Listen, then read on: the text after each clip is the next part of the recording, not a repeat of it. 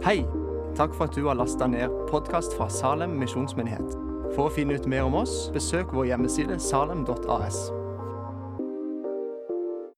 Litt her.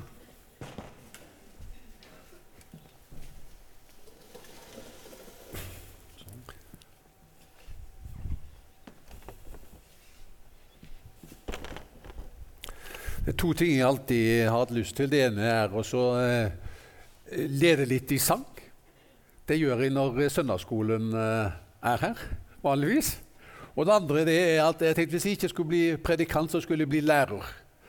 Og så nå har jeg med meg flip-overen, vet du. Så det, det der, der det er kjempefint. Når du er pastor, da får du sjanse til veldig mye, egentlig. Så fint å se dere alle sammen. Og takk til eh, Ingunn og Jorunn og dere alle sammen eh, fra Hellemyr. Nydelig lovsang. Bente og meg, vi bor jo på Hellemyr.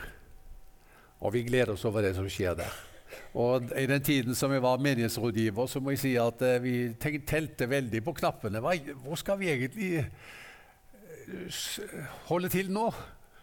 Skal vi være på Hellemyr, eller skal vi eh, være i Salem? Ja, Så vet du hvordan eh, vi landet akkurat der. Men eh, vi gleder oss veldig over det som skjer på Helligmyr. Det skal dere vite. Ok, Temaet i, eh, i dag det er også, som det har vært nå over eh, fem søndager, overskriften og taleserien det er 'Gi meg Jesus'. Og gjennom lovsangen i dag så er det jo det vi har fått. Vi, vi opplever jo vi er eh, stilt ansikt til ansikt med ham som vi elsker overalt i verden. Og eh, vi har sett på forskjellige av disse 'jeg er'-utsagnene av Jesus i eh, Johannes evangeliet. Eh, og det skal vi gjøre også i dag, på den siste søndagen i denne prekenserien. Og vi skal eh, lese fra Johannes 14. Og overskriften over det som jeg skal dele med dere, det er 'Jeg er veien og målet'. Men vi leser fra vers 1 i Johannes 14. La ikke hjertet bli grepet av angst. Tro på Gud og tro på meg. I min fars hus er det mange rom. Var det ikke slik, hadde jeg da sagt dere, at jeg går og vil gjøre i stand et sted for dere. Og når jeg har gått og gjort i stand et sted for dere, vil jeg komme tilbake og ta dere til meg, så dere skal være der jeg er. Og dit jeg går, vet dere veien. Thomas sier til ham, Herre, vi vet ikke hvor du går hen, hvordan kan vi da vite veien? Jesus sier, Jeg er veien, sannheten og livet. Ingen kommer til far uten ved meg. Har dere kjent meg, så skal dere også kjenne min far. Fra nå av kjenner dere ham og har sett ham. Da sier Philip, Herre, vis oss far, det er nok for oss. Jesus svarer, Kjenner du meg ikke, Philip, enda jeg har vært hos dere så lenge? Den som har sett meg, har sett far. Hvordan kan du da si, vis oss far? Tror du ikke at jeg er i far og far i meg? Amen.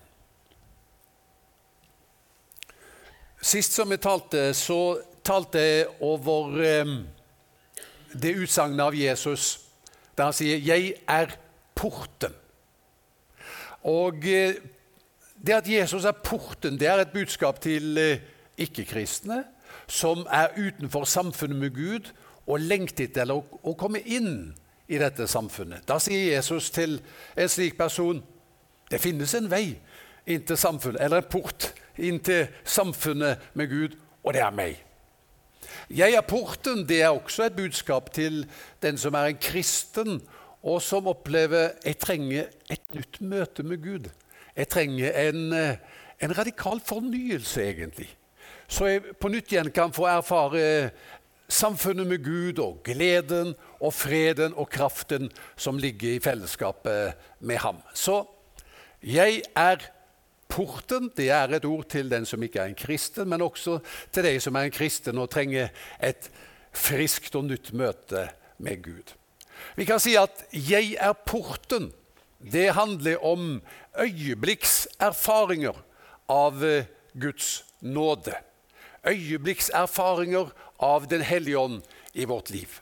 Og Når jeg ser tilbake på det livet som jeg har levd eh, gjennom eh, et par og 60 år nå, så er det klart at jeg har mange sånne øyeblikkserfaringer. Jeg kan se på eh, tider i livet mitt øyeblikk. Det var en sånn en, en port som jeg gikk igjennom, som eh, betydde så mye. Den første det var selvfølgelig da jeg ble en kristen. Det er den 28. august i 1974, en onsdagskveld. Jeg tror det var ti over halv sju.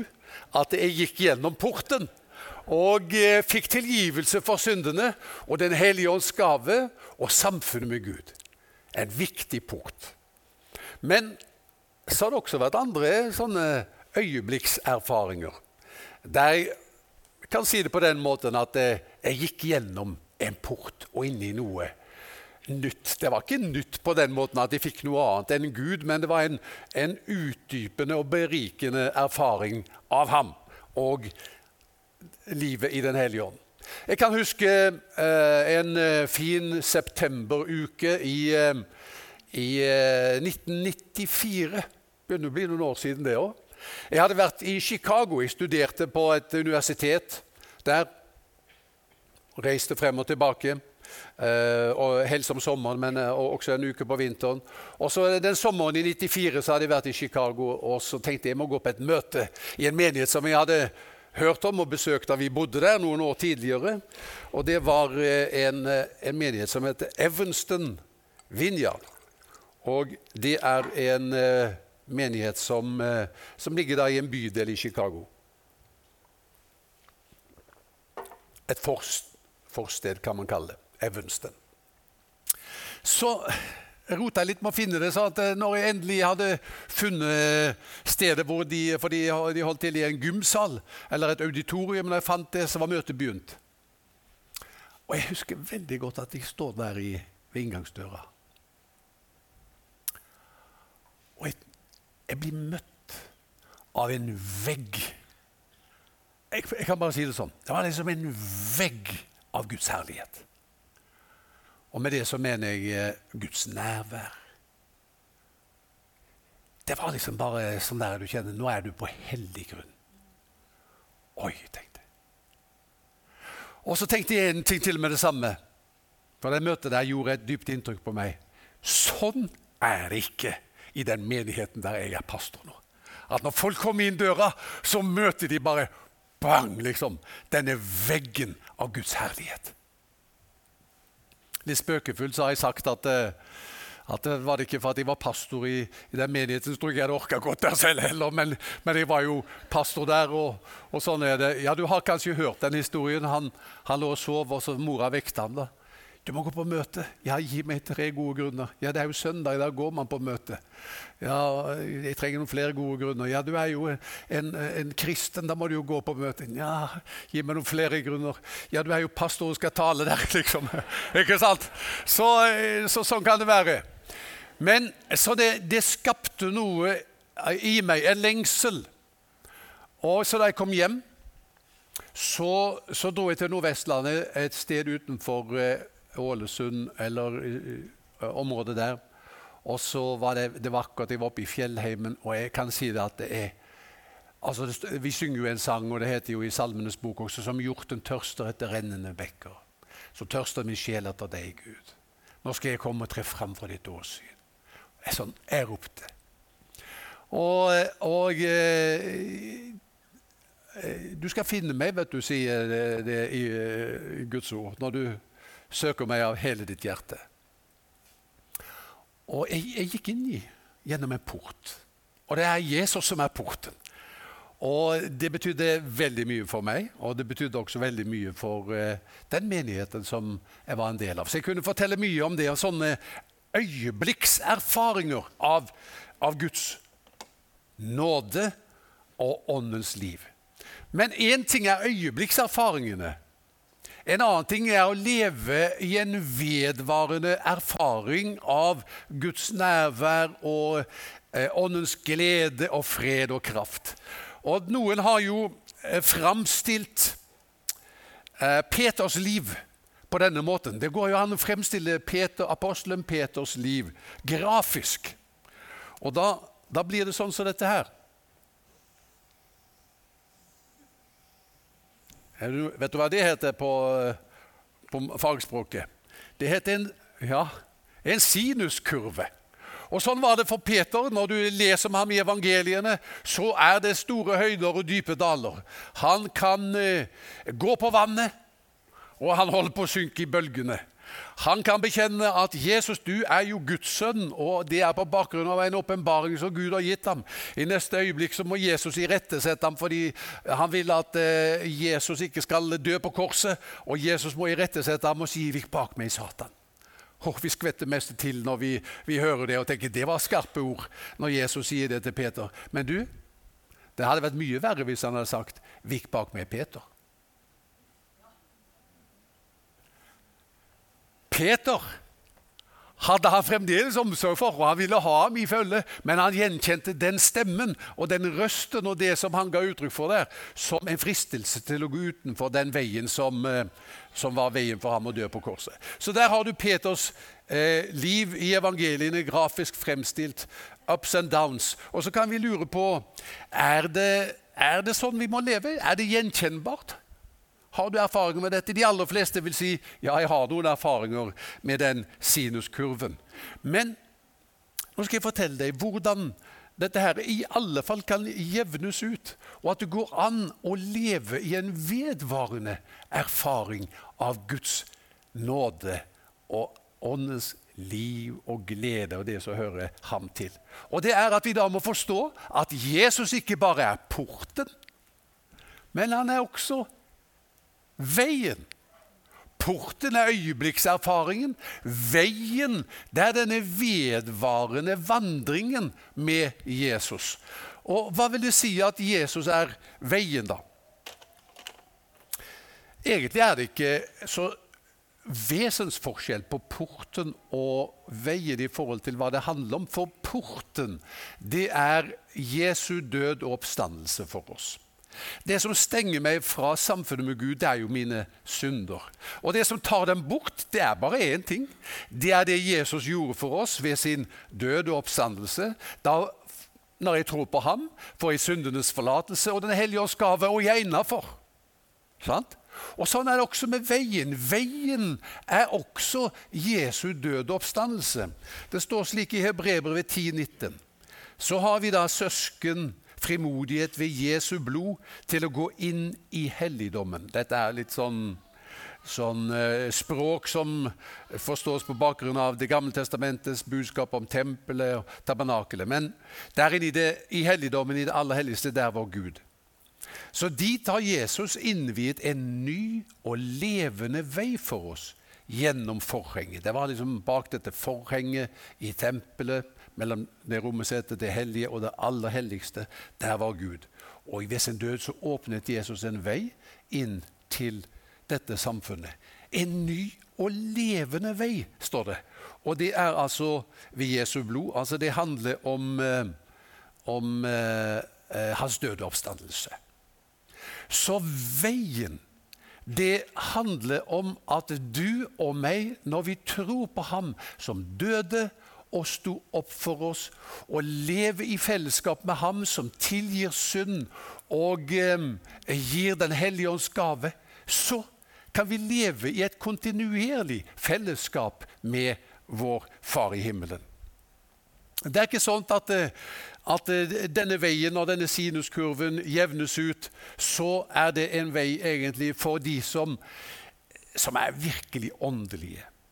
Som er gode kristne, de som er i Eliteserien, de som skiller seg litt ut, de som er ekstraordinært åndelige det er, ikke, det er ikke det som er veien. Veien er for ja, Karsten Isaksen han kalte Peter, som jeg har fremstilt grafisk her, for Simon Snublefot.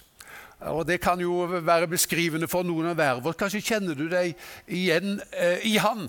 Og så er det den veien eh, Jesus er for oss. Han er en vei for den som ikke er Som lykkes i alt og ikke har alt på plass, men som lever åpent med ham som tilgir synd og gir åndens gave.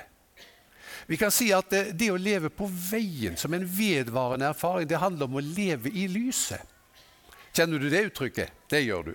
Hva er det å leve i lyset?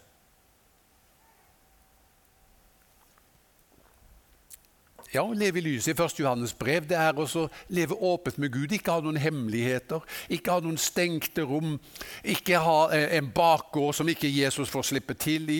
Vi pleier å si at vi mennesker vi er som månen, vi har en mørk bakside. Og Det er den der mørke baksiden som du inviterer Jesus til å sette lyset på når, eh, når, du, når vi lever i lyset. Så det å, være, det å ha Jesus som veien, det er også å leve åpent med ham invitere ham inn i alle områder av livet vårt. Også når det er noe som brister og noe som går galt, så sier vi, 'Herre, takk for at du tilgir meg.' Takk at Jesu Guds sønns blod renser for all synd. Og så fyller han deg med Den hellige ånd. Og det behøver ikke ta uker eller måneder.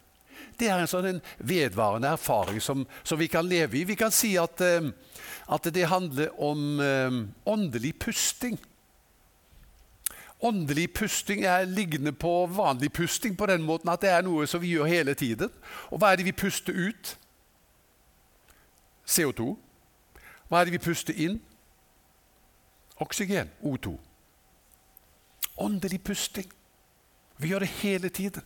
Og Sånn handler det også om når du er på veien, ser Jesus om veien. Så puster du åndelig. Du forteller ham, 'Herre, nå ser du, nå brast det for meg der. Nå, nå, sa jeg noe jeg ikke burde sagt. Nå gjorde jeg noe som jeg ikke burde gjort. Eller nå unnlot jeg å gjøre noe jeg burde gjort. Det var en anledning som glapp.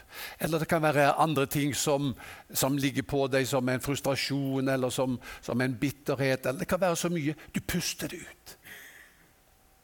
Fortelle ham om det. Og så puster du inn. Hva puster du inn? Tilgivelse og åndens fylde. Da lever du i dette hele tiden. I samfunnet. Problemet for oss det oppstår når vi gjør noe annet enn Jesus til veien. For eksempel, noen kan si bønn det er det viktigste, og det er derfor veien. Skal du ha liv og overflod, må du få orden på bønnelivet ditt. Det høres veldig bra ut. Så la, la, la den henge litt der og dirre. Noen sier bibellesing og personlig andakt, det er veien. Det høres også veldig bra ut. Men hør her. Hva kan vi si om bønn og andakt? Hva mener vi med andakt? Ja, Det er at du tenner et lys, du ber, du leser i Bibelen, har en stille stund. Hva vet vi om det? Det tar ikke bort synd. Har du lest noe sted at bibellesing tar bort synd? Eller at et, et, et, et intakt bønneliv tar bort synd? Nei, det har vi ikke lest noe sted. Hva er det som tar bort synd? Jesus. Jesu blod. Dersom vi bekjenner våre synder, er Han trofast og rettferdig, så Han tilgir oss syndene og renser oss for all urett. Så og når du har tatt imot tilgivelse, da er du jo der. Så du har lengt etter å være. Da er du innafor. Luther pleide å si hvor det er syndenes forlatelse, der er det liv og salighet. Annen, et annet problem med å, eh, med å, gjøre bønn og andakt til veien, det at verdien i bønn og andakt det ligger i at du faktisk gjør det. Er du ikke enig i det? Du må faktisk gjøre det. Og det er det som er problemet. For vi får det ikke til, i alle fall ikke sånn som vår samvittighet sier at vi burde få det til. Jeg tror på bønn, sier vi. Og så er det sånn at før eller siden greier vi ikke å leve opp til det idealet. Og så føler vi oss fordømt. Er du der? Da blir det som det står i Romerbrevet 7.10.: Budet som skulle gi meg liv, viste seg å føre til død. Jeg så det for meg at dette skulle være veien jeg skulle gå, men jeg får det ikke til. Jeg greier ikke å leve opp til den standarden. Og så I stedet for at det ga meg liv, så kjenner jeg på fordømmelse, for jeg nådde ikke opp til det. Så spør du kanskje nå Men skal ikke bønn og andakt eh, Er ikke det viktig? Kjempeviktig. Skal det ikke ha en sentral plass i, eh, i kristenlivet? Absolutt. Men hvis vi gjør det til veien, så sliter vi. Veien til å komme til Jesus på.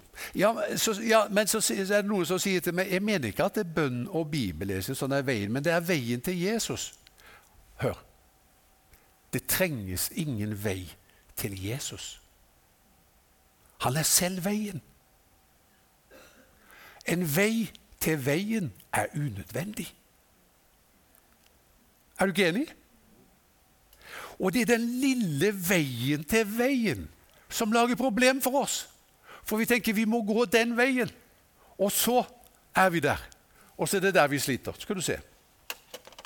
Skal jeg ta deg med til noe? Du får det for så vidt på veggen, men, men eh, eh du kan bare ta det opp, eh, Georg. Men du skal få det litt mer nøyaktig av meg her. Du ser? Hæ? Bedre kan det ikke gjøres. Det er Sørlandet. Og så har vi Sørland. Og så her skal vi se, her har vi Kristiansand. Og her har vi Arendal. Her har vi, og her har vi Stavanger. Og her har vi Oslo. Ok? Her har vi Det grønne det er Sørlandsbanen. Av en eller annen grunn så la de Sørlandsbanen litt inn på kysten. Er du enig? Helt, det går ganske nærme der på Jæren, men så, så, skjærer den jo litt inn i landet. Og så Nå vet jeg ikke helt Men så, så går den innom Kristiansand. Og så går den litt sånn som dette her. Og nå er det sånn at det er de som bor i Arendal Nå ser det ut som en åde der, men det er annen. De som bor i Arendal, de må altså humpe på Arendalsbanen opp til Nelaug for å komme seg på Sørlandsbanen. Vi som bor i Kristiansand, vi er så privilegert. Fordi Sørlandsbanen gjør en liten sløyfe inn til oss og henter oss. Så jeg har bare lyst til å si signatur står på perrongen. Og du trenger ikke på noe tilknytningsspor eller sidespor for å komme på signatur i Kristiansand. Den er midt i byen. Er du derimot arendalitt, så sliter du. Fordi at eh, da må du først komme deg til Nelaug. Du må det. Og der, Da humper du på en skranglete eh, sånn der eh, eh, Arendalsbane, og det er den som er problemet. Det er veien til veien som er problemet. Fordi vi tenker jeg må få bønnelivet på plass, så er jeg på Sørlandsbanen. Eller jeg må, må få bibellesingen på plass, så er jeg på Sørlandsbanen. Og det er det som er greia. Inger-Lise Rypdal hun sa det sånn en gang. Hun hadde, fikk et nytt møte med Jesus, og da sa hun det slik Det beste av alt sånn, er at jeg kunne komme til Jesus akkurat som jeg var. Du vet, Man trenger ikke vaske seg før man går i dusjen. Ikke sant? Så du trenger ikke gå på tilknytningssporet for å komme til Jesus. Så hvordan er det? Hør. Når Jesus er veien, så betyr det Hør godt etter nå. Han er tilgjengelig for deg der du er akkurat nå, som du er akkurat nå. Der er han tilgjengelig. Og Det betyr at det eneste du trenger å gjøre for å komme inn i dette som han har å gi, det er å innrømme din sanne tilstand, ta imot tilgivelse og la Ånden fylle deg. Da er du der. Og Derfor kan vi si det sånn Bønnelivet er ikke veien til Jesus, men Jesus er veien til bønnelivet. Når du da får denne dype erfaringen av ham, tilgivelse, og åndens gave, så fyller det bønnelivet ditt med herlighet.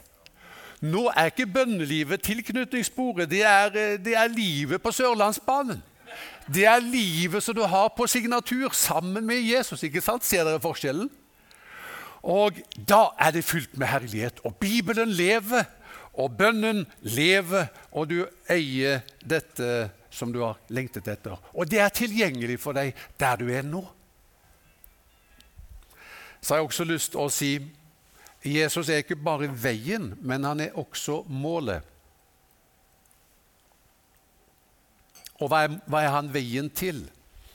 Hva er, hva er målet? Ja, eh, Jesus sa 'Jeg er veien, sannheten og livet'. Ingen kommer til Far uten ved meg. Far, Gud, er målet. Og det er både her og nå og i all evighet, ikke sant? Men hvis Jesus er veien til Far, da er han også målet i seg selv. Hør hva han sa. Den som har sett meg, har sett Far. Hvordan kan du da si 'vis oss Far'? Tror du ikke, sier han til Philip, at jeg er i Far og Far i meg? Så ikke bare er Jesus veien, men når du har funnet ham, så er du også ved målet. Da har du det som du trenger, det som du lengter etter, det som er livets mening. Det er å leve i samfunn med ham og med far. Og Problemet oppstår hvis vi lager en sånn der eh, tilknytningsbane, Arendalsbane, for at vi skal få del i dette. Det er det ene problemet. Det andre problemet som kan oppstå for oss, det er hvis vi definerer andre mål enn ham. Han vil ikke være veien til et mål som du har definert. Han vil være veien til det målet som han definerer for deg. Og det målet er ham selv. Det er snublende nær for oss å ha Jesus som veien og ha et annet mål. Vi kan f.eks. ha egne ambisjoner. Det er noe vi vil oppnå i livet. Og så tenker vi det er altså så viktig for meg, det skal jeg oppnå. Og Jesus, du skal hjelpe meg til å oppnå det. Det kan, eh, det kan til og med være noe så, eh, så eh, edelt jeg kan ta meg selv som eksempel. Det kan være noe så edelt som ja, nå sier jeg det litt i gåsøynene, som å bli brukt av Gud. Se at Salem blir en stor menighet. Stå i vekkelse. Se mange frelst. Herre, kan jeg når jeg ber, si takk at du er veien til vekkelse, til at vi skal vokse, til at uh, vi skal bli brukt av Gud. Og så er det som han vil si Er det målet?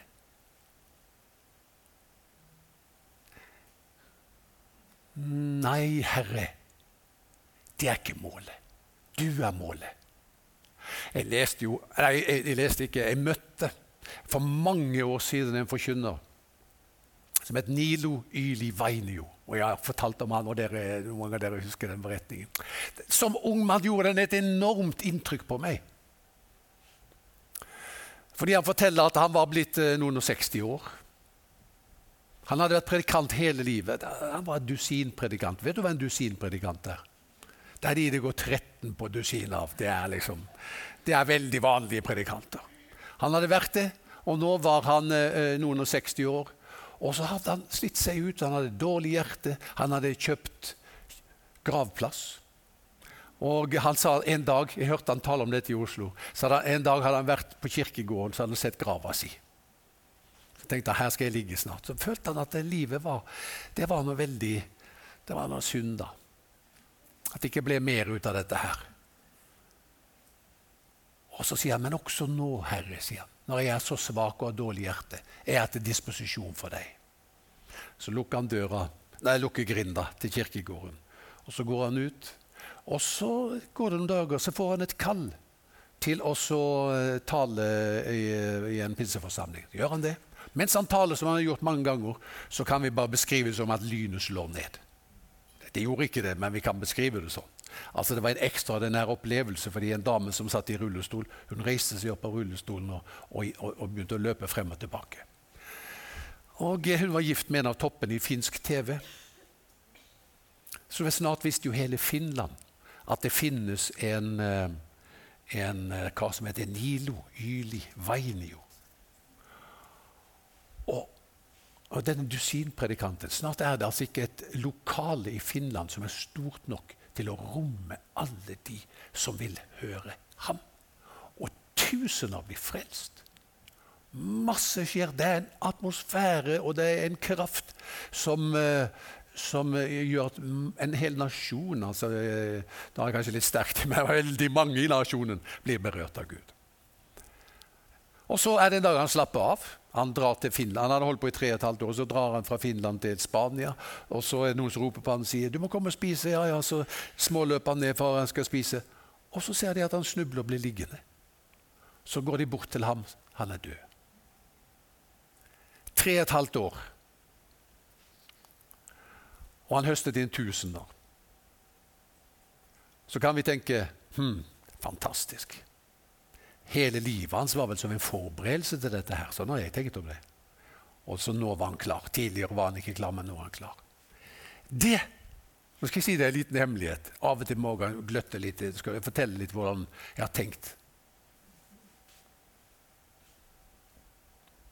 Herre, én dag. Det gjør ikke noe om jeg er blitt et par og 60 år. Men det hadde vært interessant, Herre, en dag å se folk komme til tro i bøtter og spann. Så sier han til meg, 'Men Geir, hva hvis ikke det skjer, da?' Vet du hva jeg har sagt til ham da? Ja, vi deler den erfaringen, nei, vi deler den innstillingen, både du og meg, at vi ønsker at folk skal bli frelst. Men hvis du vil bruke noen andre, Herre, til at folk skal bli frelst. Jeg er så fornøyd med deg. Det er sant. Jeg søker ikke noe mer. Du er målet. Jeg arbeider for at folk skal bli frelst. Jeg vil at menigheten skal vokse. Jeg ønsker at vi skal se vekkelse. Men det er ikke mitt. Du er ikke min vei til det målet. Målet mitt, det er du. Og så får jeg leve i fellesskap med deg på det. Da skal vi gå over til nattverdet, og så eh, skal vi be en kort bønn. Og så er det altså så fantastisk å tenke på dette at Jesus er her. Da Jesus kom, var jødene opptatt av fortsatt å be at Messias skulle komme. For de kjente ham ikke igjen. Dette vet vi om. Men så var han jo der hele tiden. Og så er det sånn nå Jesus er her. Jeg tror Hvis Peter var her nå, så ville han sagt til oss Merker dere det ikke? Han er her. Så hvis du lengter etter et uh, inderligere samfunn med ham, hvordan, hva er veien? Ja, Jesus sier 'jeg er veien'. Så da det handler det om åndelig pusting, at du puster ut og så puster du inn. Du forteller ham det, om din brist, du forteller ham hvor du har syndet, du forteller ham hvor det gikk galt, hvor du kom inn på et sidespor. Du forteller ham det. Og så er det sånn at Jesu Guds sønns blod renser for all synd. Og så tar du imot en ny fylde av Den hellige ånd. Skal vi be denne korte bønnen nå?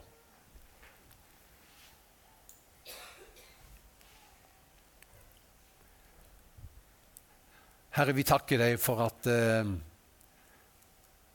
du er her. Og vi takker deg for at uh, vi har direkte adgang til deg. Nå ber vi om tilgivelse for våre synder. Så ber vi at du skal fylle oss med Den hellige ånd. Og vi takker deg fordi du hører vår bønn. Og når jeg nå tar imot brødet og vinen, takk at det er et uttrykk for det samme. Og takk at du gir oss det vi trenger.